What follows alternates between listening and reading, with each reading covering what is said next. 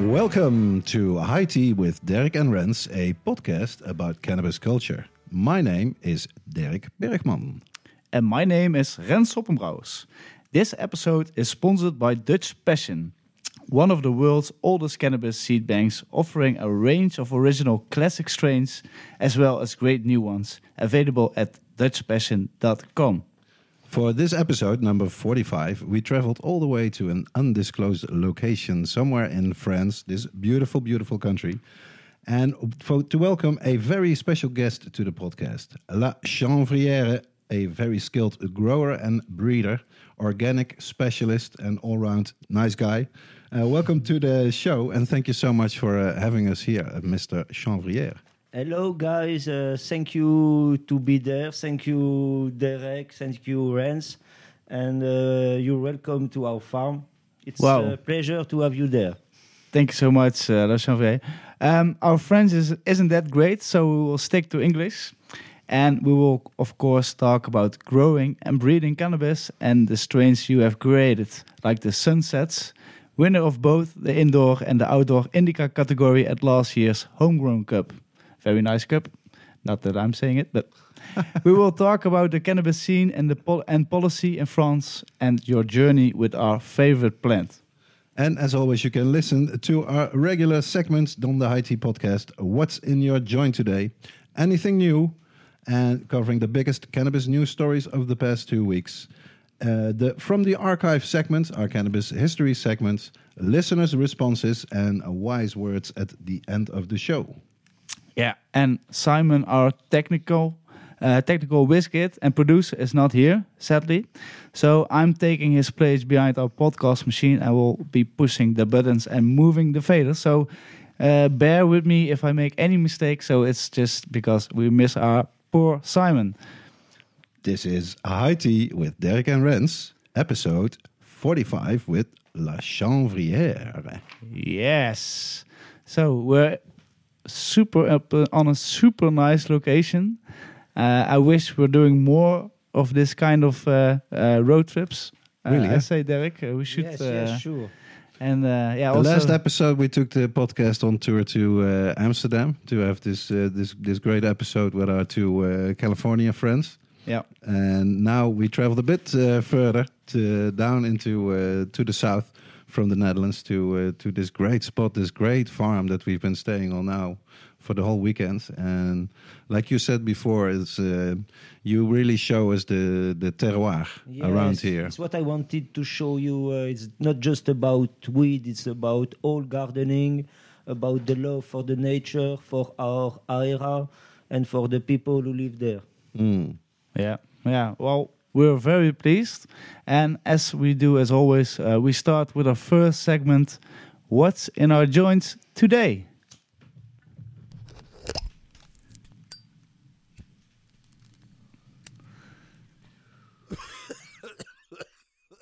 Wat zit er in jouw joint vandaag?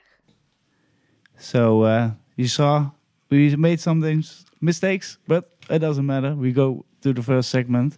Um, I say let's start with our guest, or maybe we're the guest, but uh, La. Chanvrière. What are you smoking today? So uh, today we are smoking sunsets. It's like uh, our uh, flagship uh, strain from the farm. Like uh, Rens uh, say to you, uh, we win. Uh, we won uh, two cup last year at uh, homegrown cup, outdoor uh, cup, and indoor cup, both with the same strain. It's a strain created by my friend in Barcelona, the Grateful Seeds some good friend of us, some talented breeder, uh, like they won uh, their strain uh, won, won most of the cup in Europe at the moment, and uh, Sunset is our best selection from their strains. It's like it's a cross from uh, sunset sherbet, but not the cookie sherbet. It's like a cookie uh, sunset sherbet from Northern California, bring into Barcelona by a local grower, cross with uh, pichos from uh, Dying Breed Seed Company and selected by our friend at uh, La Calada in Barcelona. It's an amazing Skittle strain. Yeah. What you think about this train, friends? Well, I can, I can. Uh, uh, besides that, it's a one R cup for indica uh, indoor and outdoor. It's just a really, really lovely, uh, skittly, tasty uh, strain, and I think it's like, uh, yeah, like we've be, we were sitting here last night, s- watching the sunset yeah. with the sunsets. And uh, it, it's an amazing sweet candy strain, and uh, it's a very uplifting uh, yeah, uh, not strain. too high, just a good vibe. Exactly, you can. And a very smooth uh, smoke too. yeah, yeah, you can because do we, things. of course, we couldn't pass up uh, having such a nice, uh, yeah, quantity of the sunsets here right in front of us. So I did have some some other weed that I could have uh, picked for this segment, but uh, for this podcast, I'm happily smoking on your sunsets. Yeah, I'm It's happy fantastic. you enjoy it. Thanks, yeah, man. we will. And uh, thanks again to Grateful Seed for uh, share the genetic with us. Yes, I'm. I'm also gonna light it up because we have all have this amazing strain in our joints. Yes, I'm gonna roll up another one. I think it's a unique thing. Eh? We are usually all have something else, but now we all be on the same height, Yes, That's great. Same wave. same vibe here, Same- same, same way. organic vibe. Yes. Time for some news, I would say. Yes, I say let's go to the news.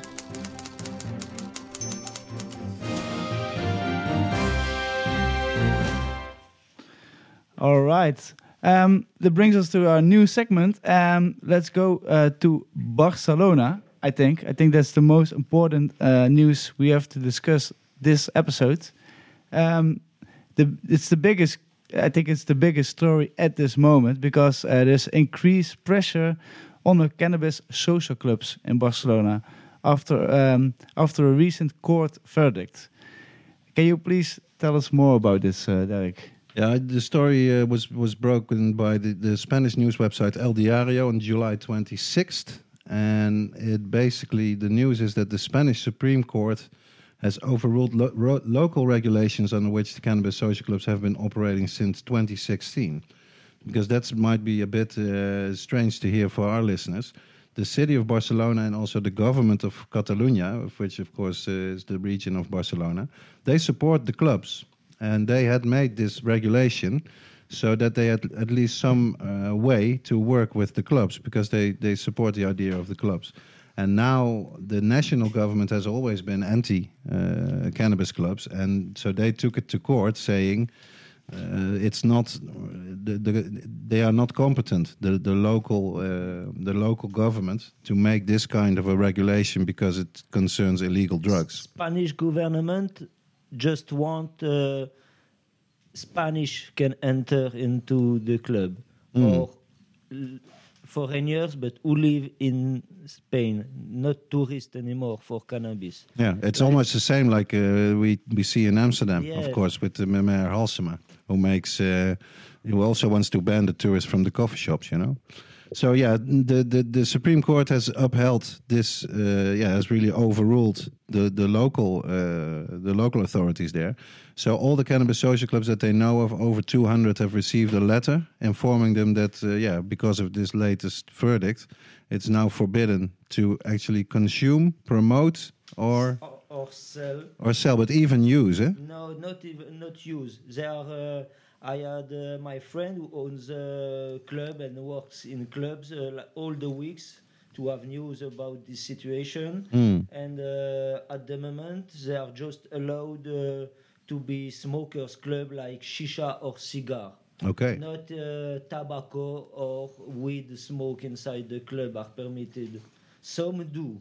Mostly all clubs still do until the police come. Mm. But uh, So, do you think that the police are like very motivated to go check on all these clubs? Because that there's also been some reporting that if they do go after the club and check them, they will start with the biggest ones that a lot of tourists go to, and then maybe later do the other ones.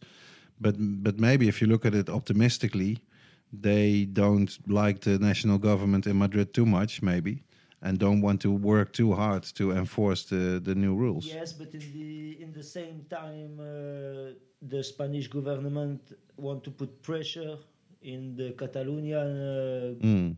area, and uh, it's a new way. Uh, the cannabis war. It's a new way to put some pressure, but. Uh, Mostly, all club at the moment are scared about a big red. You know, uh, all people like uh, f- cops in all club in the same times. Okay. Yeah. Do you think this could be mean the end of the cannabis social club scene in Barcelona, or will it be a passing no, threat? No, no, it will change for sure. It will be not the club as uh, it's been last uh, two or three years, but it can be back more underground like how it starts. Mm. Don't forget, uh, Barcelona start underground, and it maybe will be back a bit more underground. Yeah. Because of course the cannabis will not go away. Yes, uh, you have uh, maybe commercial grower or uh, money opportunity people who gonna move Mhm. to not be under the pressure about the police. Yeah. But all the passionate people and grower about of Barcelona were there before, and they will be there after. Yeah. Sure. Yeah. I I think personally it's an incredible bad timing Mhm. because uh, to be very selfish, also um, like I was planning to organize a cannabis cup there, and I was hoping it for like years. Uh, my companion uh, Mauro, he was always like uh, taking it a little bit more carefully, and he was always like waiting with it for the good moment. Uh, and finally, I I had this I had this go, and then uh, yeah, this happened. So it was just so unfortunately timing. Uh, but uh, this is like nothing to do with anything. Like I have just some luxury problems, like the whole clubs, like the whole scene, Yeah. and like the the whole uh, feeling. Like oh, let's go Spannabis, check some clubs, meeting people, smoking new things, uh, and seeing what's going down with the industry at this moment. It It's- seems like it may, may never return like that. Ah, No, Again. I don't think so. Uh, I think, uh, like in every country, uh, the way of uh, be free to use marijuana is not easy. Uh, what happened in Barcelona is just a step. It, maybe it was free during last uh, ten years, Mhm. but uh, it's just uh, one uh, difficulty. I think the community will go through easily. Yeah. Yeah. I'm sure. They will survive. Yeah. hmm It's not easy. We all know. We all have a long, difficult story in our back for with marijuana and police. Yep. If you want to grow weeds, Yeah, you got to be strong yeah. We we have to deal with this kind. and of, have patience also. Yeah. so, so you still have hope? yes. Sure. Sure. Sure. Mostly all clubs are still open. Like all main club don't want to have new members until September, until they have more news. But the tourist uh, clubs still have new members. Members coming in, yeah. Some clubs opens, some big big clubs opens in the city last weeks, like Green Place in the middle of the city. Oh, yeah. Like a big big club with window, one of the first with Really? window on the street and open. And Green Place, of course, from the Amsterdam coffee shop. eh? Yes, Yeah. and you have a big one. I think it's exotic BCN, a bit uh, in the suburb. Mm-hmm. Also, big big club or just opening. They will not close tomorrow, Mm-hmm. and I have big hope. Like uh, for the community of Barcelona, I have good news. I had good news. Like uh, many clubs are putting effort uh, together, and uh, one political party just born in Barcelona, they call it uh, La Luz Verde, Mm-hmm. the green light. So I have big hope, and uh, I support uh, 100% uh, this uh, local uh, political party. All Yeah, because there was this statement put out by the CATFAC, which is like the, the Federation of Catalan uh, cannabis clubs or associations, as they are called in in Spanish. And they said once again the judiciary are attacking associations without taking into account the reality of Barcelona, a city that has coexisted with these entities for more than 30 years. The Barcelona associations are a pioneering model in Europe, exported internationally the application of new drug policies that focus on the indivi- individual and their health, which is, of course, very, very true. Yeah. And this was an inspiration for Belgium, but for, for many other countries where they at least have this model and know that it can work, you know? Mostly, uh, I know a lot of people in Barcelona.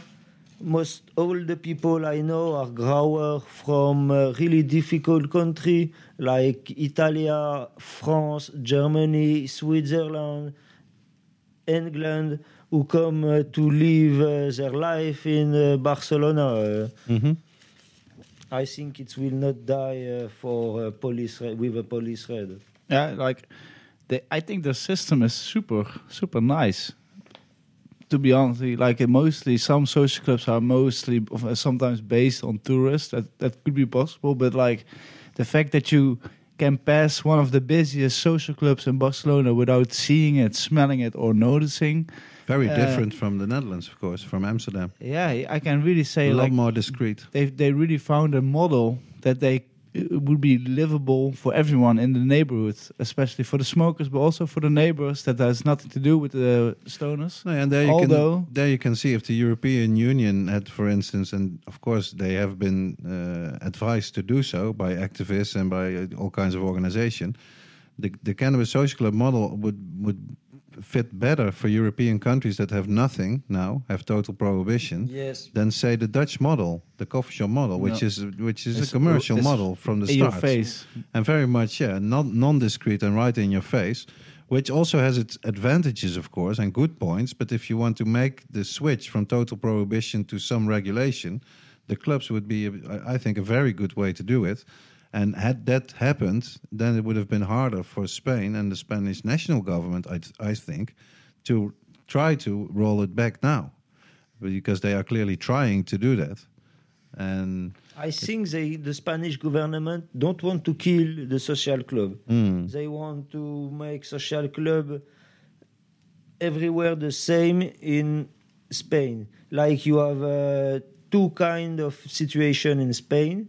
You have Barcelona and the Canarian island mhm. who are really really okay with social club because they are they have their own local law like you know Catalan people and uh, Spanish people want it to be the same like in Sevilla or in Yeah. Madrid or in like social club only for the people who live in Spain. Mm. Yeah, they need a NIE number, right? Normally, you would need a NIE number, like a Yeah, yes. your personal number. Yes, you need to prove it that you live uh, like in most of the city in the coffee shop in Netherlands. You must to prove No, no, not most of it. It's really a small, small number. Only like Okay. a few. Only about 10% in the south where you still have to do it. Maastricht is the most notable city where you still have to do it. But my own town, for instance, Eindhoven, uh, they had it for a long time that you had to prove that you lived in the Netherlands or be, be Dutch citizen. And they, now they, they, they don't do it anymore because Okay. it's ju- just too good for the dealers outside. You know, they Yeah, make so yeah. much money on the street if if a local government does this. So you can see that even some conservative smaller cities in the south, like like Vlissingen, now even starting, uh, that they don't enforce it anymore. It's typical Dutch. It's in the national law, but there's it's also an understanding that if the local government does not want to enforce it, because enforcing it will give more problems than not enforcing it, they are allowed to do it. It's the Dutch way. Dutch way. And- But it also means, like we say, say, see now in Amsterdam, that if they do want to enforce it, then they can do that too, you know? And that's what they try to do now in Amsterdam. But this is like, it's interesting and a bit worrying that you can really say that now both the Barcelona clubs and the Amsterdam coffee shops are really under attack. And with national governments trying to make it Yeah, I- nationals only, I think know? it's a European problem. Of course, yeah. So it's really strange where the, the politicians try to promote Europeanness, I you know, think there and is a big cooperation. Here with with the cannabis, Yeah. they do not at all. I think uh, pharmaceutical uh, company uh, make lo- a lot of lobbying uh, Oh, yeah. into the European uh, politician because they are they are trying to apply the same law about THC Mhm. and uh, promoting more the CBD, like we see in France now. You have some CBD for weed to sell at the tobacco shop, uh, in the CBD shop, in the supermarket. Uh, It's you have eh? CBD weed everywhere. And almost on French TV, every night you see a commercial uh, program about the farm of CBD, about uh, bien-être But farm. and that must be like a good uh, development, I'd say, because it's normalizing and decriminalizing I the, the, don't the think plants. so. No? I'm most scared about. Because you think they will try to have the monopoly, only the big companies, and then Yes, the pharmaceutical ones. Yes, and uh, we used to be in Switzerland from the last 20 years, like in 2000.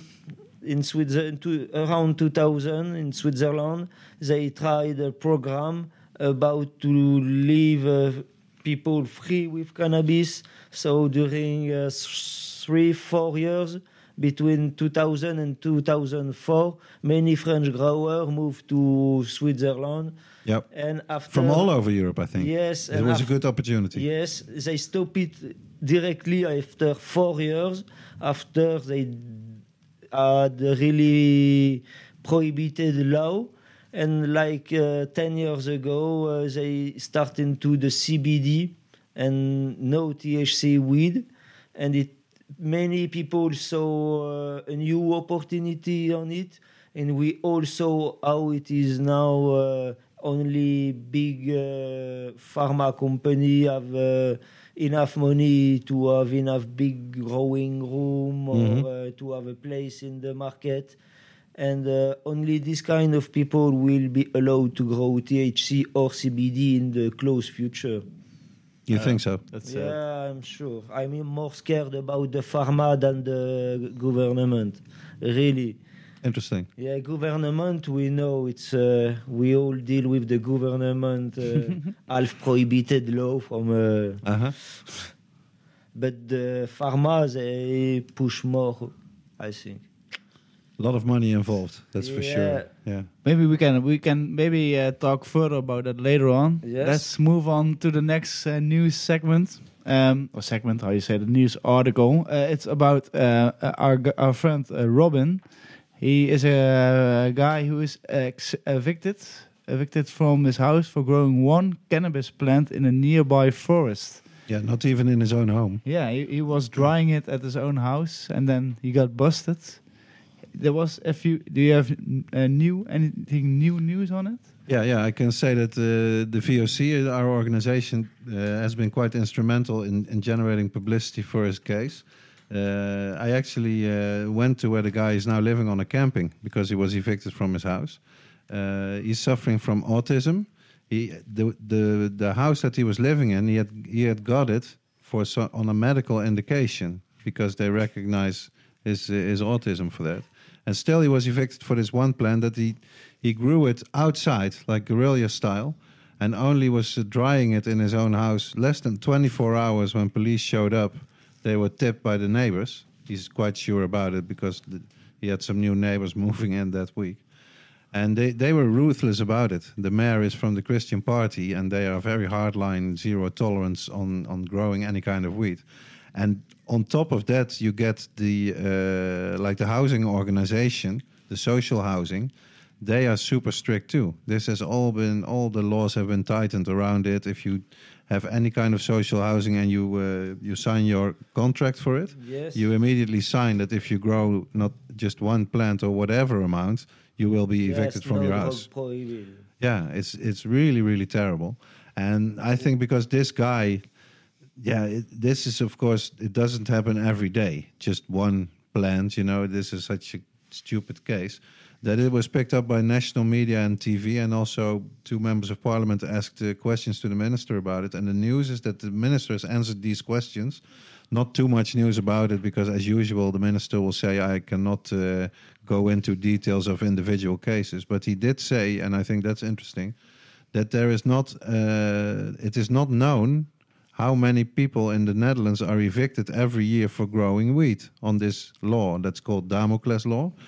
And that I think is quite worrying, you know. Yes. How is it possible that they have this ruthless policy evicting that I think it's quite a punishment to oh, throw How you can somebody live- out of his house and then they have no clue whether that may be a thousand people or two thousand or maybe ten thousand. They Yeah. just don't know. But they got like triple punished, right?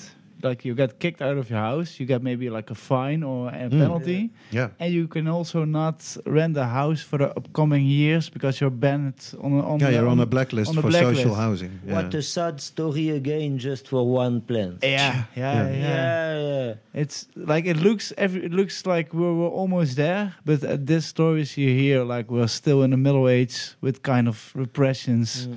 and mentality about like the cannabis plant and also in the Netherlands.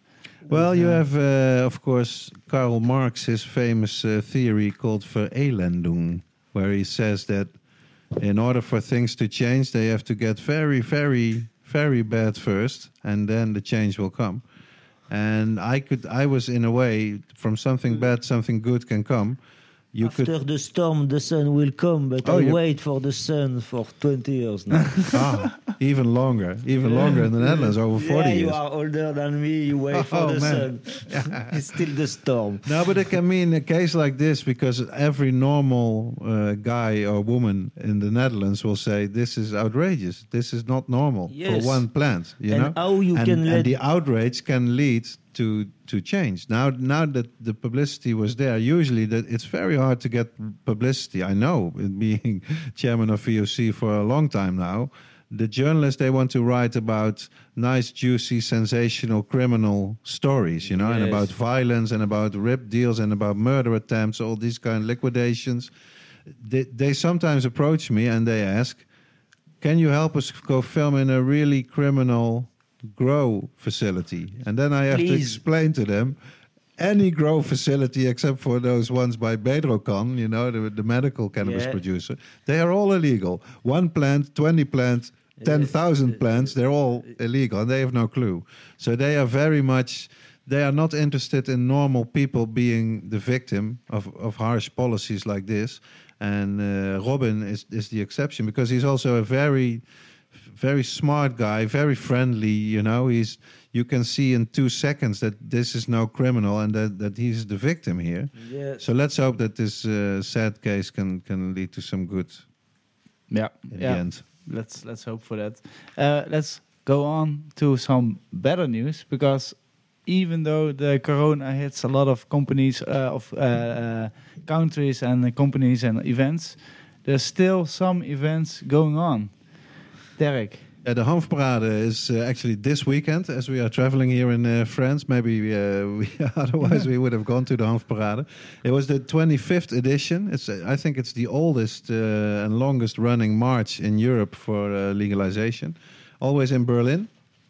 And the theme this year, the slogan was uh, 50 Jahre Verboten, Zeit für Emanzipation, which translates as 50 years of prohibition, a time for emancipation. Yeah, it's a great march. I have to admit uh, that I never ever made it there because I'm usually uh, somewhere on a holiday when they when they have the weekend. Usually draws about 10,000 people, and my good friend Has from Legalize Foundation in Amsterdam. He has been uh, there most of the time and also traveled this year. I saw it on uh, the Twitter feed of uh, Legalize, and he's uh, he has driven down there with the sound system to have at least uh, some Dutch uh, people present at uh, at the 25th Hanfparade. And then I saw also in the uh, the new edition of High Life magazine in the Netherlands that the Mary Jane uh, Cannabis Expo, which I know is a very uh, nice event, you know, very chilled down. You can smoke, really good vibe. They are planning to go forth this year, so not like um, the Span the Spannabis uh, event that has been postponed again to, to next year. They have the date set now 22 to 24 October of this year in the, the arena in Berlin, the Mary Jane Expo. So uh, yeah, that's a good sign, and let's hope that they don't, do not have to at the last minute cancel it anyway or postpone it again, because uh, it's been a long time eh, since we've been able to go to any event. yeah, yeah, that's uh, that's sad but true. The last time we were thinking we were going to an event was Spannabis 2020 in March, but it was also cancelled. So Yep. uh, 18 months ago. 2019 was the last cannabis event, uh, but of course we had the Homegrown Cup, what was still going on even in 2020. Hell And yeah! Yes, wait for. and I'm sure we're gonna do it again. Yeah, like yeah, we're gonna not gonna do it in Barcelona, but we're, I'm gonna promise you all we're gonna do one in 2000 of in yeah, December. for, the- sure. We are for Holland. already going for it.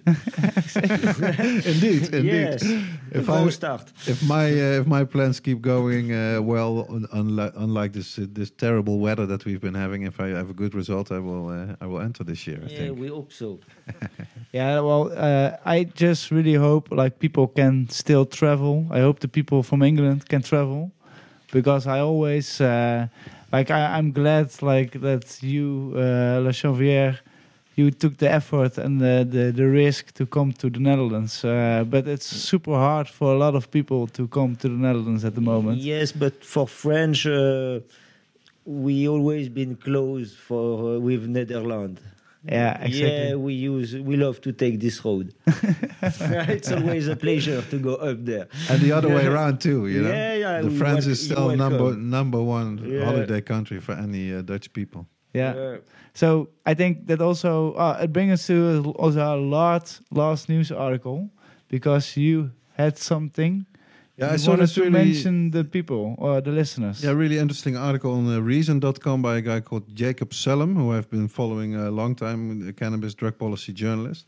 And he put out this article, 'cause, uh, and it, it reads six marijuana legalization lessons with the undertitle What Have Policymakers Learned Since Colorado Became the First State to Allow Recreational Use in 2012? Uh, I won't go into too much of the details. We'll post the link and the extra Yep. information. we will uh, try not to forget this under time. this episode. Uh, we will do it, but I will just uh, quickly do the six because I think uh, you made some good points. The first one is expungement, meaning that your criminal record will be wiped clean in order to, as Jacob puts it, remove the taint of criminality from people who were convicted of marijuana-related conduct that is no longer illegal. Marijuana-related conduct. That's an interesting term. The second one is stone driving.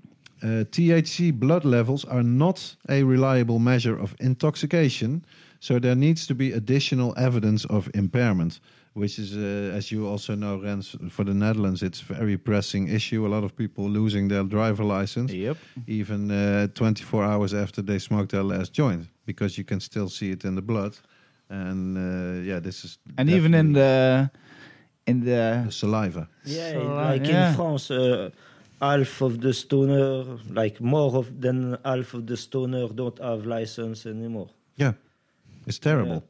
Yeah. And uh, what's the big problem after uh, five or ten years of hard repression with driving license? Many of my friends have this problem that uh, they be they be catch one time after two time, and if they are catch catch a, a third time is jail.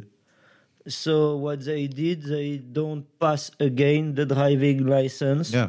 because it's jail in the two case. So um, Wow, yeah. many people drive without license in France now. Amazing. because the Yeah, or don't drive like us. Yeah. We are too scary to lose Mhm. our driving license. Yeah. Yeah, so this issue, I think, with any legalization or regulation, you have to, you know, address this issue and make better uh, policy so that it's more fair. The third lesson that he uses is interesting for Dutch people, uh, for any people. Cannabis cafes. Simply put, allow coffee shop style places where adults can consume cannabis safely and responsibly. Yeah, as we already know, eh, totally agree. for, for like, over 40 years. like we also talked about our last episode. Yeah, about it's what they miss. so in, it's the uh, biggest in thing. the legal states. they are so looking so such with such jealous to us. Well, we look so jealous to them. Yeah, it's funny. It's funny. And then lesson number four is is home delivery. And uh, as long as local governments can ban dispensaries from a city, home delivery is crucial for consumers to have access to legal cannabis. Which I think is a very valid point, and it's still super illegal in uh, the Netherlands. Of course, you can, you know, you can have all kinds of stuff delivered, but it's not legal. And and why not? If we have the good infrastructure and the good coffee shops and the branding, it's normal that that they can uh, deliver it to your home. I'd say. The fifth uh, lesson is home cultivation. Uh, most American states that have legalized cannabis let recreational consumers grow cannabis at home and share it with friends. Uh, yeah, for, for the VOC, obviously. Uh, it's what I will promote the most. Yeah. Like to This has the been central. The first Yeah. thing is to let people, medicinal or recreational, to let grow his plant. Just that. We just, it starts there. yeah, it starts there. It's just a plant. After business is another thing, but to prohibit a plant, to just because people can make money about it, it's tricky. Yep, it's very bad. And the last, the sixth uh, lesson that Sullum uh, explains is taxes. Uh, he explains very clear, I think, in the article. Heavy taxes make it harder for licensed retailers to compete with black market dealers. And it seems that politicians uh, they forget this lesson all the time, where they think, "Oh, we make it legal and put like sixty percent tax on it." Yeah, then that's no way that you gotta And uh, to you gotta like fight the black market. like what happened in Barcelona at the moment uh, to don't let all the people get a license will end to business about license and making the price up about the weed about uh, the club about everything around if they let all people get a license, like they get people get a license for an alcohol bar or something like that, like that, it will be really more clear for every people. Yep. Like uh, it's like uh, the golden eggs chicken for the one who have the license in Holland or in Spain. If you have the license, You're king. Yeah, you're a king. Yeah, Hmm. yeah, and it shouldn't be like that. Yeah. Well, I think we uh, we have to go. Uh, we're going uh, further in the details with La Chanvière, um, because yeah, I, I've I've met him through the the homegrown cup, and uh, since then we we've seen each other more and more. And uh, it's not that because uh, we got friends. Uh, he won the homegrown cup because now we share passion. uh, yeah, because the, we we are not uh, attached to the scoreboard. Or I said we not, have not any inflect of uh, effects. You are not on the jury. Yeah, exactly. So uh, I'm not involved with anything, but I was happy that I could give the prizes uh, to him because I know what kind of effort he took in, takes in to make it all happen. And um, yeah, before we get into that, all the, those things, uh, we would like to start at the very beginning, Yes. and just we like to like a question we always ask, like. How did you raised up, and uh, how was your youth? And can you tell me a little bit about the very beginning of La Chanvière? Yes. Uh, so we start to grow uh, like uh, when I was 18 and I be free to have my own garden or go to grow in uh, guerrilla. I start to grow and not stop until uh, and been on the forum for about last uh, 20 years. And uh, like 10 years ago, we started to make seeds for our grower with the rise up of the price of the seed of the female seed now you have to spend 100 euro minimum for 10 seeds and for most of the french people who just homegrown their own weed they don't spend 100 euro. We don't spend 100 euro, on vege- vegetable seed. We will not spend so much euro for a wheat seed. So I start to make a lot of seed to share with people, and uh, all people was happy of with my seed. And uh, but but be, before we get to into making seeds and all those things, like how was the first time you get into touch with With cannabis? this plant, yeah. yeah, Yeah. it's a it's a long Ah, time we have we have the time. Yeah, so I uh, start. Uh, we're sitting on a nice location. Yeah, I was at school at the suburb uh, of my city when I was 14, and like all French guy, were at 14, 15, we smoke ash and don't stop since. and uh, one time when I was uh, 16, I smoked uh, some weed from Switzerland, Okay.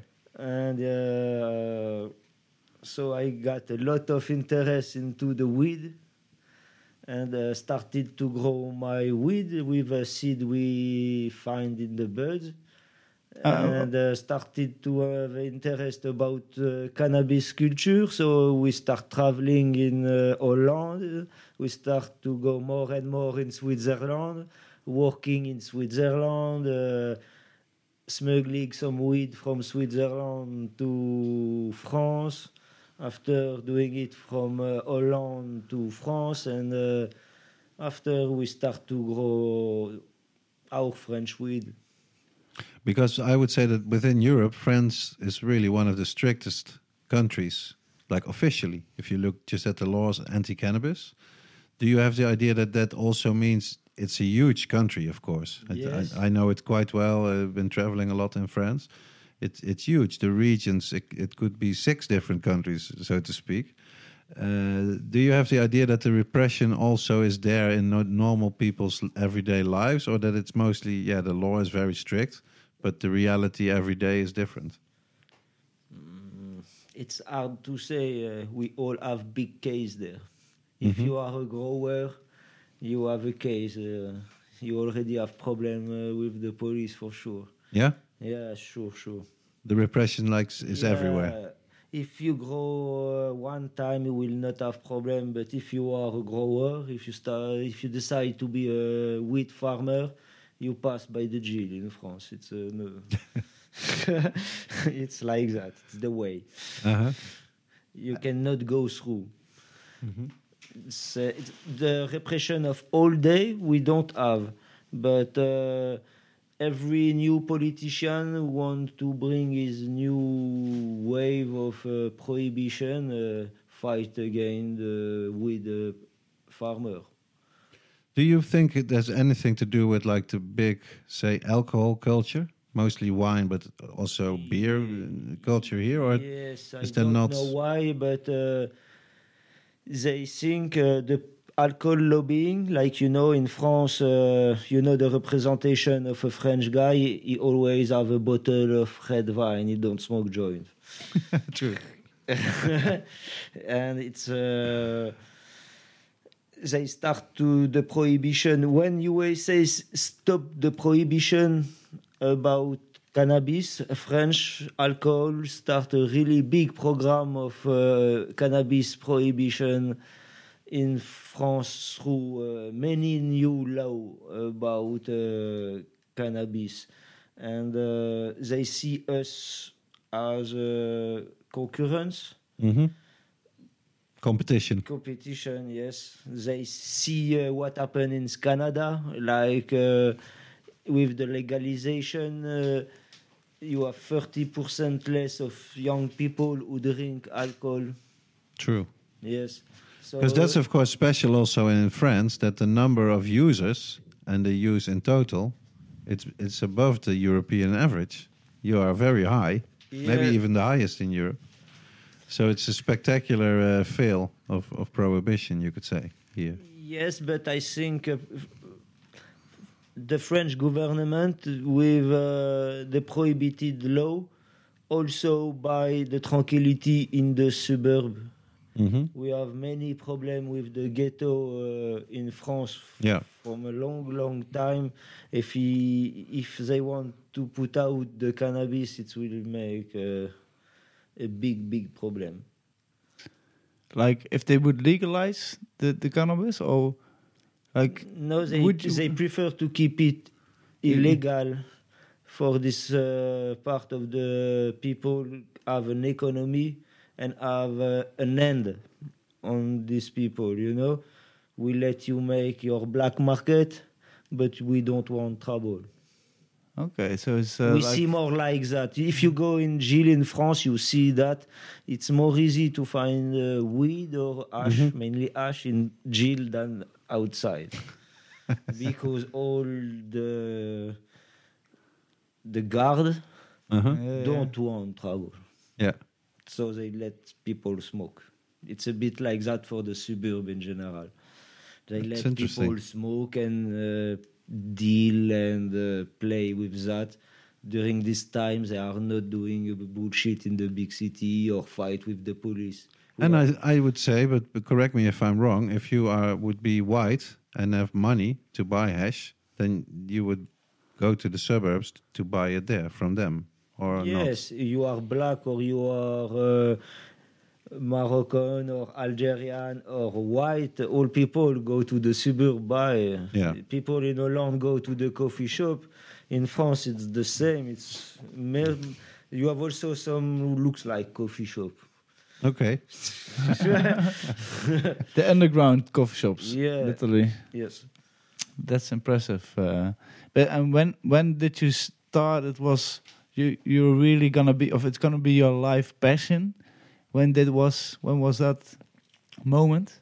when I start now, uh, when uh, I made more and more travel uh, around the world, and uh, my passion about cannabis grow up in the same time. So all my travel will be some cannabis travel, and uh, during one travel in 2009 in Northern California. I saw uh, some people who was uh, really passionate about uh, the weed culture, and uh, those people was living uh, in total autonomy in the wood. Cannabis was the only way to be to get a bit of money during the year, like the like a seasonal crop, you know, like people from the past hmm and living with this crop all the year. And during a year of travel around the world, uh, I see many people who was living uh, in autonomy, like in Africa, in Asia.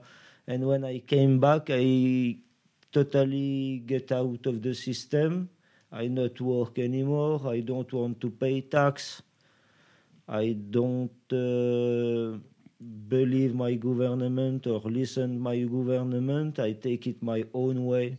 And you grow your own food. I grow my own food. I grow my own weed. If I want uh, everything we want, we grow it. Yeah.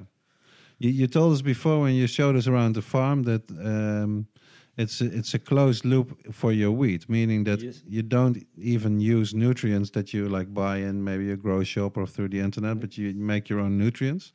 I thought that was a fascinating uh, part. Can you tell us a bit more about that? How you how you can get as far as that? Do you have to be like a big farm and need a lot of space, or No, no. Uh, you when I start to in my family was making garden like every family over there, and I had uh, already like a, the green end or the green symbol, like you say, and uh, with internet uh, and weed growing, I. Uh, r- I read more and more book and uh, had access to many new technique and like all people we we heard about biodynamic you Mhm. know Tell us more.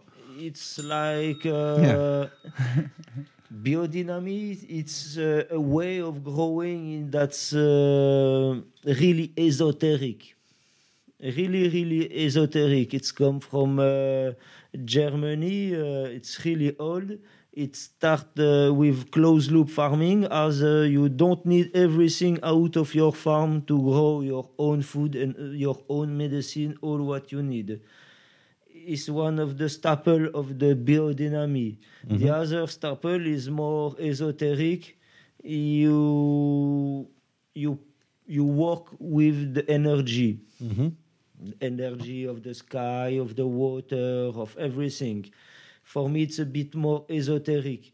But the way of closed loops farming to not use anything, just to have one or two animal to help you to have more diversity of nutrients for your food really catch my intention. Yeah. So I work more and uh, read more about uh, organic farming, farming and closed loop farming. How much uh, land I was needing for my family, how much animal, and uh, with a really little land with a lot of work, you can provide easily all the food you need for the, your family, the weed, even more than you need, really easily. But it's take you. Work, It's a life. travail. It's a life. You, you don't Yeah. talk about travail. It's more than travail. It's a work from every moment. hmm You have peop- you, your garden is living, your animal is living. It's not like a normal travail. You go out of uh, six o'clock and you go back Mhm. at home and you look TV. No, it's uh, at six o'clock. I am free. I do what I want, but I wake up at six and I go. Uh, I still work at ten o'clock in Uh-huh. the night. But uh, the plants are your like your masters. Yeah, not partners, uh, not masters, partners with the times. Yeah, Yeah, you I think it's like that. Yeah, a partnership. yeah. You want the plants to be happy, so that they give you what you want. Nature don't have to be the master of everyone. She she do the nature. Mhm. She don't need everybody. You just have to take the train uh, and follow uh, the nature. Mhm. Uh, uh, for uh, I, we saw that you were also growing some beautiful things outside. Uh, uh, for the also like uh, people that are growing outside as well at their own garden, do you have some biological organic tips for them? For uh, yes, for sure. The main thing I would say uh, it's start to make your own nutrients, like uh, nettle. Everywhere you have nettle, everywhere you go five minutes in the wood, you will come back with a big tank of uh, nettle. Put water in it, wait one month, and you will have the best nutrients for your plant. okay, Boom. that's Yeah, also boom. wow. Give us more. Give us more. Yeah, and uh, also, uh, like we talk with Derek, if you live uh, in the north like us, to grow light dep with Mm. light deprivation, it's easy. We will explain it to the listeners who don't know what it is. Yes. If you have like uh, 12 hours dark for your plants in 24 hours, then after a while it starts flowering, no matter what the Yes. season is. if you take your local, uh, your uh, normal indoor strain, eight week of flowering, it will take eight week of flowering outdoor just to to close your greenhouse for 10, 12 hours of dark every night. Yep. Or uh, every night put your uh, plants in your garden shed. What I do, I made it like uh, light proof.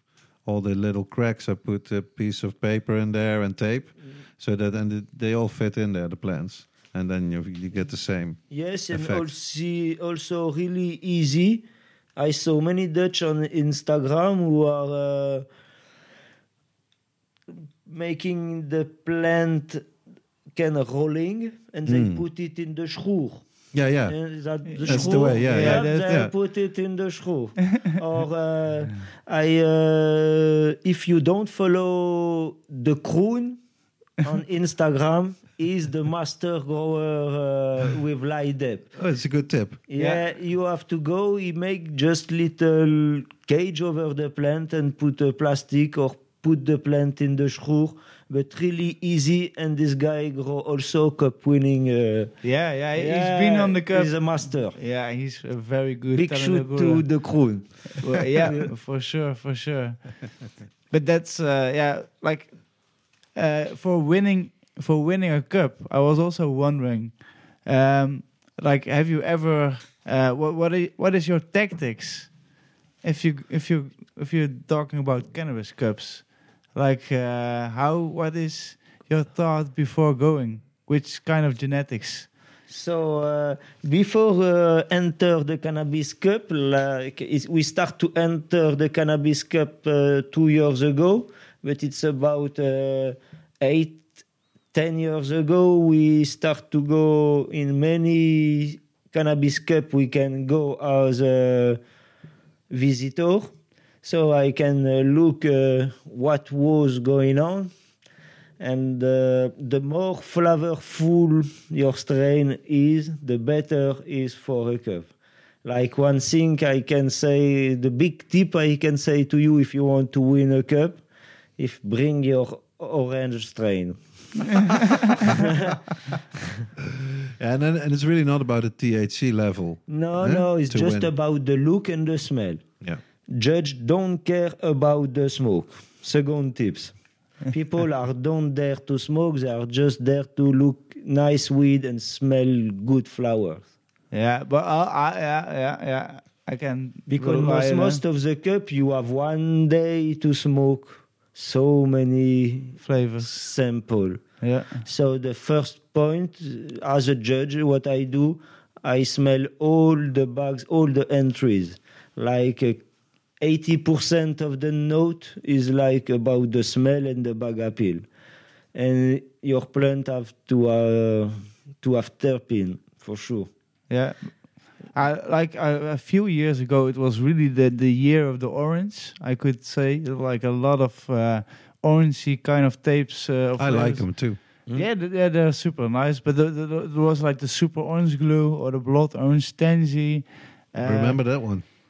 Uh, th- yeah, that was also yeah, that was super nice. Uh, but I, I really noticed like a lot of years later, the the really Skittles terps are really making up it. Yeah, for the Yeah, for the it's, it's it's one of the most hard to beat flavors at this moment. I What I really think, also being a judge myself of uh, multiple cups, is that if if it's really something new, that, then Yes, it can also score. You, You, know? need to, some exotism. yeah, yeah.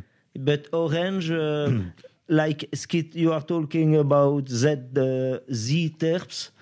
uh, You only go into the indica entries. Entries, but if you can uh, have uh, more flavorful orange uh, entries for the hashish, for the extraction, for the sativa with the orange strain, more more tasteful buds. Like uh, what I was also was wondering, uh, you've talked about like making your own nutrients. I was also uh, you were talking about making your own seeds. That is also very uh, interesting if you're growing always outdoor.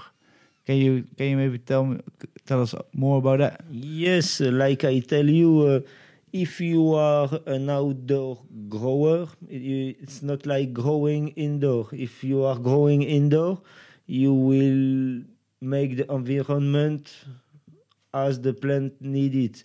But outdoor, you have to find a good uh, genetic and to acclimate the genetic to your place. Like I said uh, to all farmer, start to make your own seed. It will be really more more easy for you. Like if you like a strain, you make a cross of the two strain uh, you like, and uh, for sure you will find some really nice plant who will work good in your uh, environment. Like uh, I started to make my for myself the seed outdoor like 15 years ago, and directly in one year or two, the I had really better better result. And you also explained if you compare like the indica gene pool to the sativa one, Yes. that because the sativa one is larger, because it's been grown longer, you can say, that then you have a better chance at at uh, getting the combination that is really nicely adapted to your environment. Yes. Uh, if you take most of the indica lines available in the market, this is EBL, like you know, inbreed line, and uh, they are working for a long, long time. But maybe they are acclimate in their climate, like uh, in the Kush mountain or Northern California, because in Northern California they working, working, working a lot to acclimate it. Yeah. But also with uh, what I say to you, you have to make your own seed. Uh, all the modern weed start like with the skunk. Like what did the Northern Californian grower? They took the indica seeds they had from uh, India or Afghanistan or Pakistan home to California with a veteran, you know, people who was into war over there, but it was going into mold every every year. So what they decide, uh, they decide to cross it with uh, available uh, sativa seeds of the moment, like Mexican weed, Colombian weed, and you know the making up of skunk strain. It's uh, Colombian weed crossed with Afghan. Yep. And uh, they saw directly the potential of the hybridization, like seeing uh, many phenotype was more adapted to the to their environment, and uh, it's like do every farmer from from a long, long time. If you want to have tomatoes, you have to acclimate tomatoes to your area. If you want weed, you have to acclimate weed to your area. And it's go really fast, one or two years, and you have great result in your garden. Is it also that's why, like a bagseed gives you sometimes the most brilliant uh, phenotypes? What I heard because it's such a new gene pool. Is it is is that the, the bagseed so popular or No, bagseeds is more a fashion to me. Uh, me, I not believe in bagseeds. no? No, for me, bagseed is hermaphrodite. So uh, people who look for bagseeds, they look for clone only. So like they buy a cookie bag, and if they found a seed, it's a cookie seed. But uh, most of the time, it's hermaphrodite uh, seeds. So it's less less uh, value than just regular seeds. Well, No, you cannot talk about value about the seeds. uh, uh, quality or Yes, we are just uh, like human. The cannabis was there before. it was there after us, uh, for sure. We are just a step into the cannabis breeding. Plant will do don't matter of uh, what we do, but it will be. Uh, it will ending uh, like that. I think. yeah, yeah. That's so. The cannabis plant are just using us I to think. survive. Yeah, she she she mute more easy. Yeah, that's for sure. And uh, uh, also talking about France, do you see like because of the uh, CBD weed uh, laying everywhere, like it's an easier way of normalization? You think like the step to THC weed in some stores or some places would be more talkable uh, than ever before? I believe so. What do every French smoker uh, now? He go one time in the CBD shop to have the bag, yeah, of course. I was thinking the same. and after he fill it with the normal weed. Yep. It's a good cover. Yeah, Like Austria too, eh? and Switzerland. But is it, is but it helping? Uh, nobody smoke uh, CBD uh, openly. Hmm. It's not still accepted as, as cigarettes that they are smoking CBD weed at the station, or No, like nobody can say it's CBD weed or THC. No, no. No, you will have trouble. Uh, at the end, no, but uh, you can have trouble if you smoke a joint. Yeah, it's an interesting story. I always thinking like, how can they indeed control it? Or No, and it's a bit uh, tricky. You still have in France uh, the law about uh, 0.2 THC. So it's really, really low. Really hard to breed plant that's so low. So you many of the CBD in France is import from Italia or Switzerland, and he is he have more THC. So police still close CBD shop for that when they test the weed, and police still catch people driving with THC test who smoke CBD weed. So it's for that people don't want to smoke CBD legally because there is a big chance. you get tested and you have still the remaining THC in your li- in your body. Yeah, Yeah, yeah. Or that's yeah, that's still yeah, like the whole thing, like the whole testing is still fucked Do up. Do you know uh, how they the way they find to be sure of the CBD level for importing in France? So now, uh, main uh, all uh, the main CBD producer from Switzerland and Italy, they grow some two or three, four, five percent THC weed to have the terpene. And what they do, they wash the weed, the fresh weed, when they harvest, they wash it with CO2, like to make BHO, to put out some THC, and after they dry the weed and import, export to France. Like that, they control more the THC level. Crazy, Yes, but it's but it's, it's so sad to wash weed with C- with BHO. we- yeah, Yeah, with- then with- people smoking it afterwards. yeah and It's- smoke it and especially in France all the CBD business is based about uh, bien-être you know wellness Wellness, yeah. and the weed is washed with uh, CO2 That's, uh, like, like, but I, I was wondering, like, like with the whole CBD movement and your passion about growing, and your uh, your knowledge about flavors and all those kind of things and breeding, wouldn't it be a, a ideal match if you would try to breed the best CBD strain with the most flavors? No, we still have no opportunity for French grower.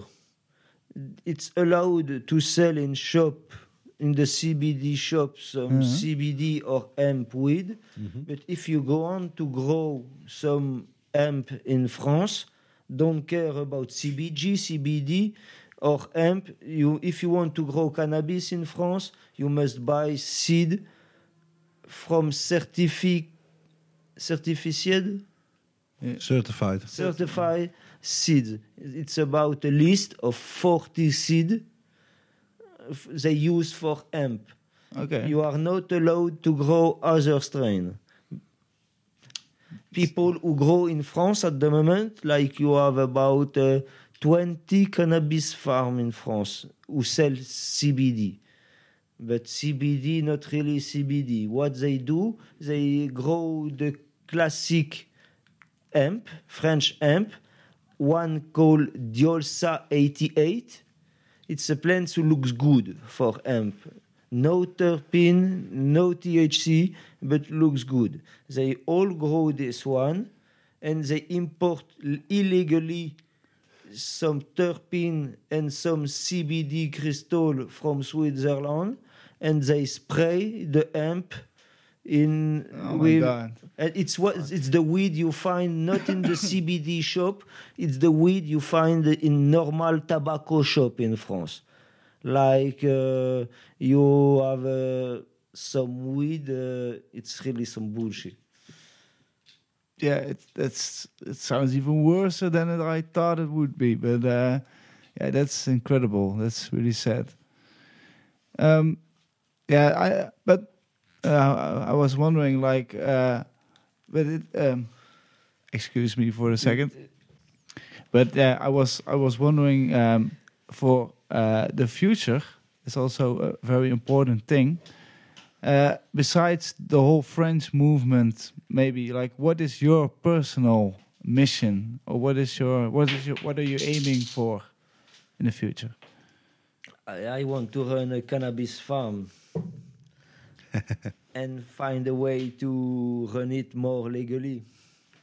So uh, we look uh, for opportunity in other country uh, to develop more our brand and our passion. Especially, you know, I am a father, and uh, I would, uh, as all farmer, I would love to see my son uh, farm the same things as me. So I want a brighter uh, place than uh, the politician uh, problem we live there. So I hope for uh, Holland is going for a new way. I heard about uh, they want to go more into legally production. So maybe there we hope a lot for Spain also.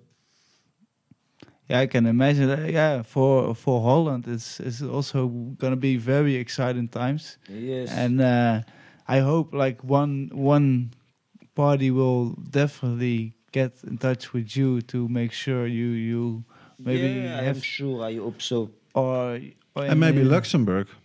No, Luxembourg is too close. I have some friend in Luxembourg. Like uh, it's six months in Luxem. It's legal in Luxem. It's legal in Luxembourg to to smoke weed now and to buy. hmm But like it's six months, it's impossible. It's not available in the dispensary. The weed. You have only 14 places who are allowed, 14 location, hmm and only four got the right to open shop. It's really little, really little shop with really little amount of product, Okay. and they not find, uh, they still not find the way, the politician, to fix the way of uh, how provide the weed to the dispensary. So they they uh, find they made a law. Only two farm will be allowed in all Luxembourg to grow, and the license was already given. I don't remember exactly who, but it's uh, it's commercial. Uh, bullshit. yes, uh, corporations. Oh yeah. So you have the highest hopes, say, for legalization for the Netherlands, for Spain. as grower, I hope a lot for Netherlands. For what I do, as I make seed and uh, high grade selection, I have not my place in France. People in the black market don't really interest about uh, high grade uh, genetic. They prefer low, low price weed or hashish. But in Holland, uh, the price of the weed is going up and up and up. I, I've been uh, last month for present my weed in Netherlands to many spots. I saw the weed was really, really expensive, and people got a lot of interest with import weed from California, Yep. like 30, 40 euro for total bullshit. Per gram, eh? Yeah, a gram, like a Wow. gram, 40 euro.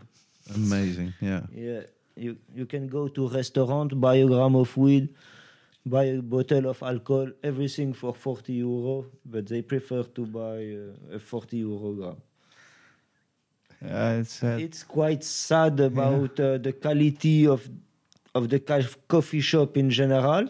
So I think with my product, uh, it can be go good. I think it's just the lack of well, the lack. I think just the the uh, available uh, spaces and time from the USA to get those extension expansional kind of flavors and kind of genetics, and it's just all the risk and all the things that it comes finally from the US to here. So I, I understand a little bit why it's so expensive, although I would never expect people to really buy it. Uh, that's the second thing because I also think like uh, local grown cannabis has has so- so much more uh, a better after feeling I have to say, and it's more gently.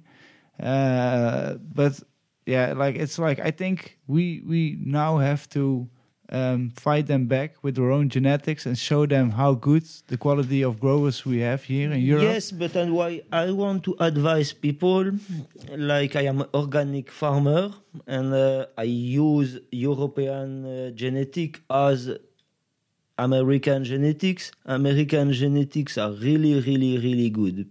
They know how to do seeds and weeds. They know a lot. But uh, when you smoke your import bags, you don't smoke Cali weeds. You smoke uh, like uh, the most fake uh, commercial growing weed you can imagine. If you you really don't support the good market, most of the weed you have in your bag is grown with PGR. What's that again? Yes, PGR. It's uh, mostly some hormone you give to the plant, and I want to say to people, most of the product they use on this weed, on the you import Cali weed, products are not allowed to use on food anymore. Everywhere in the world, mostly, just in Mexico or USA, things like that but uh, it's like hormone you put to have more to make easy more beautiful bud and more uh, just more beautiful most of the time. Because as you see when you crack a bud for example you crack a bud from a cali bag you don't have branch. You all have the same buds in the bag. Don't for uh, you can open 20 bags you will have the same buds in the 20 bags just look the weed you grow. It's not look like that. It's like the tomatoes or the potatoes you grow in your garden. They are not beautiful but they are far better. Far far better Yeah, oh, one hundred percent. I can. yeah And there's also, of course, the parallel with the supermarkets, especially in Holland, where they want like very shiny, dark-colored Yes. vegetables, It's totally like round. the vegetable from Albert Heijn. When Yeah. you buy weed, you buy the cheap vegetable, really colorful from Albert Heijn. Nothing to compare than your farmer market. Hmm. Mm. The- yeah, I can. Uh, Mm. It is. It is totally true. But it it's should it's be hard. or- it should be organic. But I, I was al always thinking like those those nugs of those Cali bags were looking like that because they were vacuumed and no, they had no, to travel. No, no, no. And The also- plant look like that. Yeah, It's totally crazy. They do. and uh, but also I thought like PGR, like plant growth stimulators, Yeah. are also like just the nutrients or extra No, feeding no, you they give. have many, many tips. Many, many. You cannot believe. I don't know enough. I am Mhm. just an organic farmer. But if you make more research about that and uh, all the possibility about gibberellin and things like that, they go so far with the vegetable. They do the same with the weed. It's the new gold. It's the green gold. And when you buy like 80% of the Cali market and USA market, it's total bullshit. If you not support a little farm, you you support bullshit. And the worst, when you buy this fucking Cali bag, you fuck your local farmer. Like you are in a coffee shop, when you buy weed, you normally in a coffee shop, farmer family live from the weed you buy to the coffee shop really close to the coffee shop. If you buy this fucking Cali bag, it's it's so expensive when it's arrive in UK because it comes through, through it's come from through UK like uh, ten time on time. Uh, so you fuck your local market and you fucked pioneer market from Northern California. People who work really, really, really good in Northern California, now they cannot sell their product. People just want this shitty bag, shitty looking bud.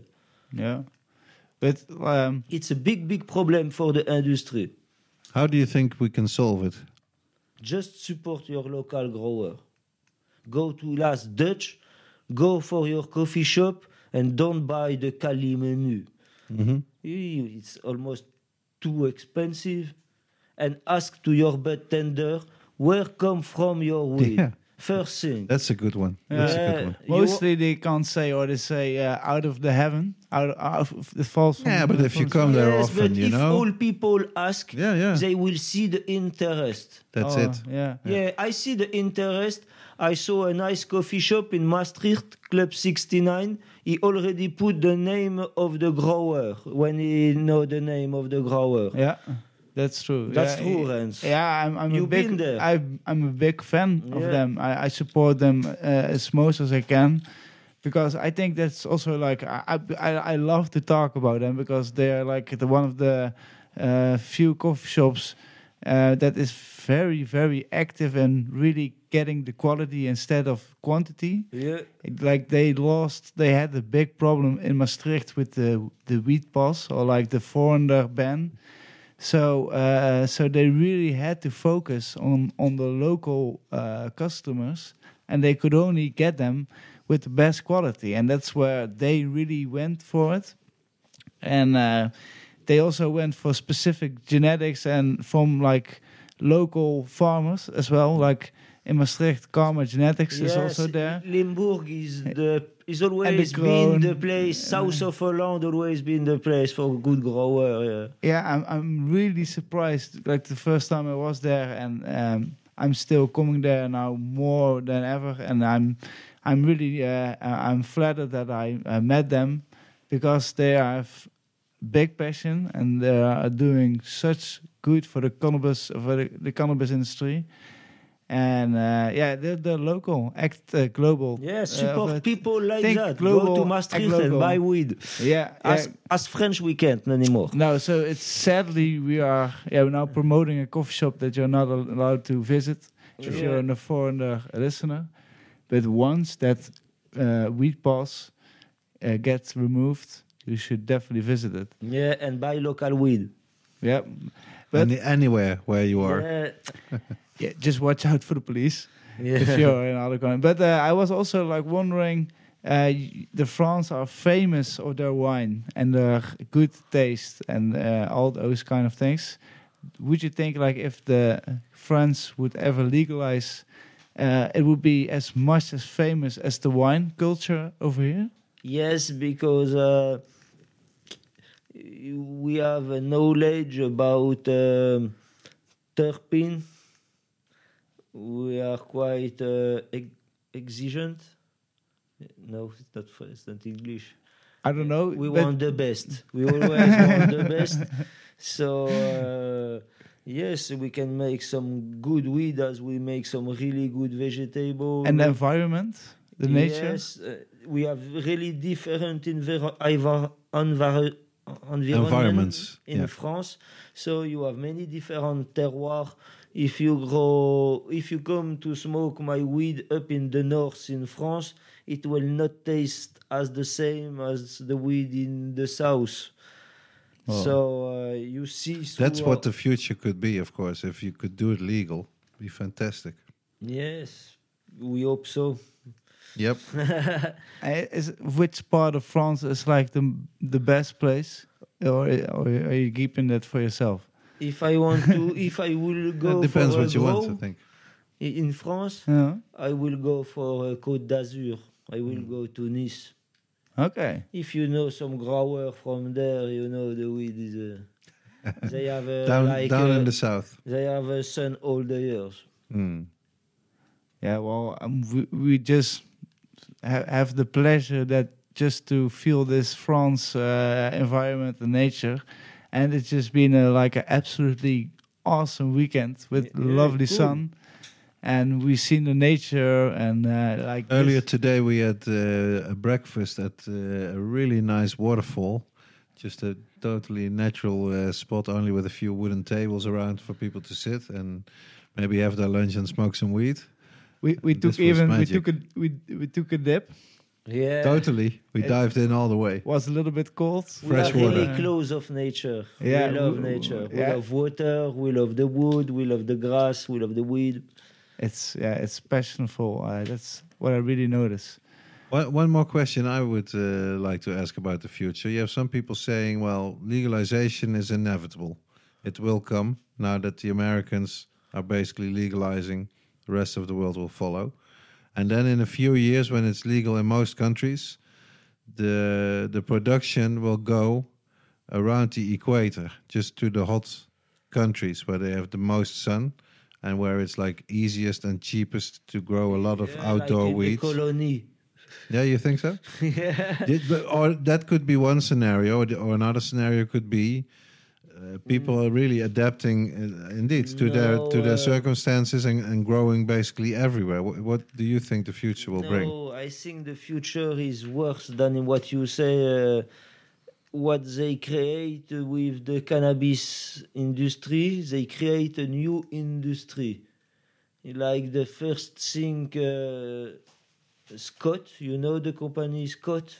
Mhm. No, Yes. no. It's a Miracle-Gro. yeah.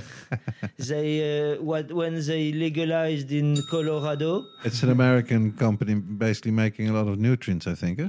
they own originally. eighty percent of the big farm in uh, Yeah. all America and South America, like. Uh, the nutrients company, uh, some huge co- huge corporation, Mm. and when they legalized in Colorado, the first things they uh, do this company, they buy Gavita, they buy Philips Horticulture, horticulture, and uh, they bought uh, mainly all nutrients company from the world for the weed.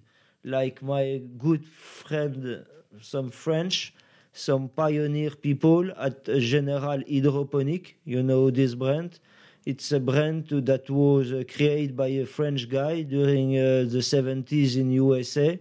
After he he been 30 years of jail in USA, he get out in the 2000 and he get back his uh, company, General Hydroponic, but his uh, partners wanted to sell and he must sell, you know, with the USA law, and they sell to Scott, and Scott fucked want they buy General Hydroponic, but don't want GHE, General Hydroponic Europe. So now uh, they must turn the name to Terra Aquatica. If you want to support a good nutrient brands, go to check Nu- Terra Aquatica. Uh, it's pioneer in the hydroponic uh, nutrients and system, and now it's owned by Scott.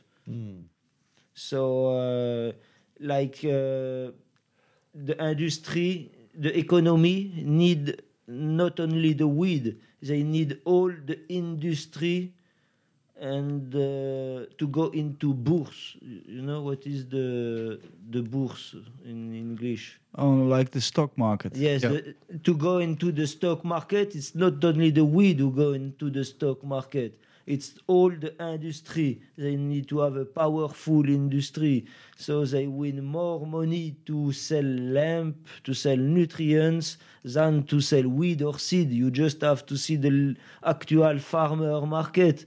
They prefer to sell nutrients and uh, pesticide Yeah. they don't care about the product at the end. It's uh, the industry who is important, the stock market. So uh, the future of cannabis is more into things like that, I think. Not Yeah. growing into Equator or things like that. You see uh, how big and how fast are going uh, the creation of farm in northern of England of, or Denmark lately Mhm. they made two huge, huge uh, greenhouse with lamp and things uh, to grow wheat for the pharmaceutical market. You think more of that in the future? Yeah, Okay. Oh, they put farm where they, they can put farm where uh, they want, and the climate is changing a lot, uh, so uh, it's more easy for them to do inside the weed. and for for me, the last question: How did you came up with your name and your whole organic style of branding it? I wanted the name La Chanvrière is come from uh, chanvre is hemp is in French. As for me, hemp is uh, the plant. Perhaps if it has THC or not, or see we are growing just a hemp plant. Yeah. So uh, La Chanvrière is the name of our farm, and uh, our style of life is really we don't use pesticide. We only eat organic. We we are really close of the nature. For us, it was sure we wanted to make an all organic product, and the branding, everything we wanted to be close of the French tradition about, like you say, the vine, uh, to touch more uh, uh, a connoisseur public. pure. Yeah. People who want to get uh, more uh, exotic and particular uh, and authentic smoke should smoke my product. Yeah, I, I can definitely uh, say that that's right because Mm. I'm smo- still smoking the sunsets, Mm. and it's What a great it's strain. yeah, and it doesn't kick you. And I see To the your face. eyes. Uh, you have not eyes like that when you smoke a Cali weed. Uh, it's for I, that. I can't even Yeah. speak well, Yeah. not that perfectly, but still a little bit English. And so uh, uh, I, one thing I want I've to been worse. one thing I want to say uh, now, if you want to sell the weed, it's weed is uh, not like uh, your time, Derek. It's not like you not sell weed in a plastic bag uh, or in a newspaper. Uh, If you want to sell weed, you have to have a minimum of packaging, and I want to show to people. Uh, when you buy uh, Cali weed or uh, most of the bag of weed, it's plastic. All our jar or thing like that, all is compostable or recyclable. You don't imagine how much plastic the cannabis industry can eat every day. Yeah. It's true. You, Yeah. you just have to go in the front of a coffee shop and see how much plastic bag there is 100 meter around. Yeah, that's true. Like, So, Changing uh, slowly though. yes, Where uh, before, like the older coins, if you buy the pre-rolled joints, were all plastic. Yes. Now I see most of them basically being like cardboard. You know, Yes, Yeah, or also go with, changing. go with your slowly. own jar to the coffee shop and say you Yeah. don't want the plastic yeah. bag. I think that is yeah, that's a Mm. super good. Uh, Personally, concept. the weed I smoke uh, usually don't smoke, don't touch plastic. yeah, and that's that's the better. Like it's like a Mm. sponge. Mm. That could be may, uh, maybe like a good uh, thing for the VOC, like to promote to bring your own jar to the coffee shop. Yes, Mm. like all It's- shop, like the fancy shop. Now it's all about uh, it's all about recycling. You you bring your own bag. Even in the supermarket, they don't Yeah. give you bag. Yeah. Even Yeah. in the bars, it's not allowed to give you a tube in plastic. Why this fucking cannabis industry don't want to stop this plastic? I think that's a don't very good understand. thing. I yeah. don't understand. I am close of EP and uh, organic. Maybe it's for that, but uh, Well, I think it's just lovely to have you Mm. on the show and just to share your opinions uh, with us. And let's hope a few coffee shop owners are listening in, Yeah, yes, uh, taking notes. And uh, yeah, for sure. I think it's uh, time to go to our next uh, segment uh, from the archive.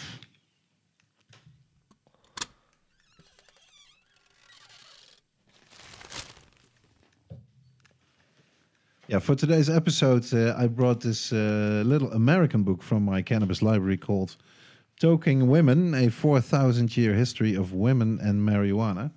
That was written by Nola Evangelista and published in 2015. Uh, I actually bought it uh, directly from the author. Her real name is not uh, Nola Evangelista, but Ellen Komp, a longtime uh, cannabis activist in California who's been active, I think, over 30 years there. A wonderful uh, book in which she profiles 50 women connected to cannabis through the ages, from ancient goddesses to pop stars and actresses of our time. And the chapters are really nice with with uh, good illustrations and photos there. And the one I picked out of the 50 is the is the the chapter about Parvati. I don't know if the name is uh, familiar for any of our uh, Uh, listeners. that me, do I need to ring the bell or are you? No, no, I'll be- you know everything about Parvati yeah, after I know. read I read the little chapter here. okay. Legend has it that the goddess Parvati, wife of the Hindu god Lord Shiva, brought cannabis to humankind. It seems Shiva was busy frolicking on the mountain tops with various nymphs when Parvati, left alone at home, discovered a cannabis plant growing in her garden. When Shiva returned to her, Parvati put some of the plant into a pipe for him to smoke. He did, and thereafter the two invented tantric yoga and saved their marriage. Rather like the Adam and Eve story, here it is the, wo- the woman who discovers the magical plant, which is forbidden in the Bible, what Timothy Leary called the first controlled substance. Parvati is the Hindu mother goddess of love, fertility, and devotion. Along with Lakshmi, the goddess of wealth and prosperity, and Saraswati, the goddess of learning and knowledge, she forms the trinity of Hindu goddesses. Two of her forms are Durga, the goddess beyond reach, and Kali, the goddess of destruction. She is the mother of Ganesha. And to this day, worshippers in India drink bhang, the cannabis yoga drink, during the Shivatri festival, celebrating the marriage of Shiva and Parvati. Women in particular practice devotions during this time. Parvati is believed to be sister to the goddess Ganja, the personification of the sacred river Ganges, and the term for cannabis leaves and flowers that are smoked. Bhang and Ganja are said to reside side by side on Shiva's head, while he dances on the body of a dwarf who, embodif- who embodies indifference, ignorance, and laziness. Well, how about that, That's nice, Derek. dear Super. listeners? All right. That's Parvati for you. Thank you so much. Yeah. Normally, we would have gone. Uh, we, were, we we would have went to the uh, listeners' uh, request of uh, listeners' responses, but because we're on the the summer tour, uh, we have no new uh, requests or questions. So that's also a request or uh, a thing to all our, our listeners. If you have any good question or advice or a good Suggestion for a guest? Exactly. Send us an email or uh, uh, give us a, a, DM on Instagram. Uh, our email address is uh, info uh, at podcast with a T dot NL or uh, podcast with a T at gmail.com. Uh, and we always have super nice presents. Yeah, and I give a pack of cell to the best question. Oh, A, a pack of seeds. Oh, nice. That's I all. was about that. So that's an extra reason, I would say, to Yeah. uh, So send, Send us, us- a nice uh, comment, and uh, we will pick the best one for our uh, responses. So that uh, brings us to our last. Uh, uh, um, I say that also. The, our last segment, I would our say. last segment. Yeah, yeah. I was uh, okay. This the, the the sunset still is still a little bit stronger than I was expecting, but uh, yeah, let's go to our last segment.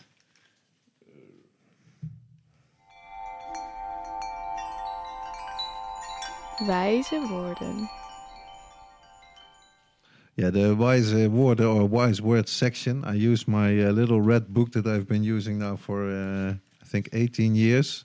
If I come across a real nice quotation uh, from the past or from uh, the recent time, I, I I write it down in this little red book. So I have a lot of wise words collected since uh, since 2003, and I picked a few from the American writer Henry Miller, who lived from 1891 to 1980.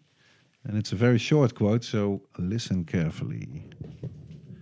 One's destination is never a place, but rather a new way of looking at things. I come again one, one, once more. Why not? That's super short. One, one's destination is never a place, but rather a new way of looking at things. Yeah, I think that's a lot of wisdom. And uh, Yeah, it's always uh, a story about way. uh-huh. You know, like they say, the destination is not important. It's a new way. Yep. How What's you get there. important. Yep, and how how you look at it also. Your state of mind. Yeah, it's the same when you for growing. It's the it's not the to make a good weed or good vegetable. Uh, it's how much you will learn during the way of uh, of your way of gardener, of farmer. Yep. That's super nice. I think that's uh, super nice words also to close this uh, podcast off. I think uh, we had a really nice time. The Uh, French special. 45. If- yeah, indeed. Uh, thank you so much. I want to thank Derek uh, with his wise words uh, to uh, uh, with to end this episode, and also uh, I want to thank our sponsor, Dutch Passion. Yes, thank you a lot. And uh, he's they are like the, one of the oldest cannabis seed banks on this planet, offering a wide range of original classic strains as well as uh, great new ones available at dutchpassion.com. And uh, I want to thank as well uh, our guest, uh, La Chanvrière, And host, of course, here. and host, yeah, for uh, this awesome weekend. Yes, Um, thank you too to be there. It's always a pleasure to have you there. showing And, uh, us the thank terroir. You, yes, and And thank you for the it. podcast. Always. Yeah. So everyone, uh, like, share, uh, and uh, uh, please promote our podcast. Subscribe, s- send us a message, and uh, I- we hope to see you next time yes, again. show some love. All right. See you. Other Merci time. bien, everybody. Au revoir. Au revoir. À tout à l'heure. Bye bye.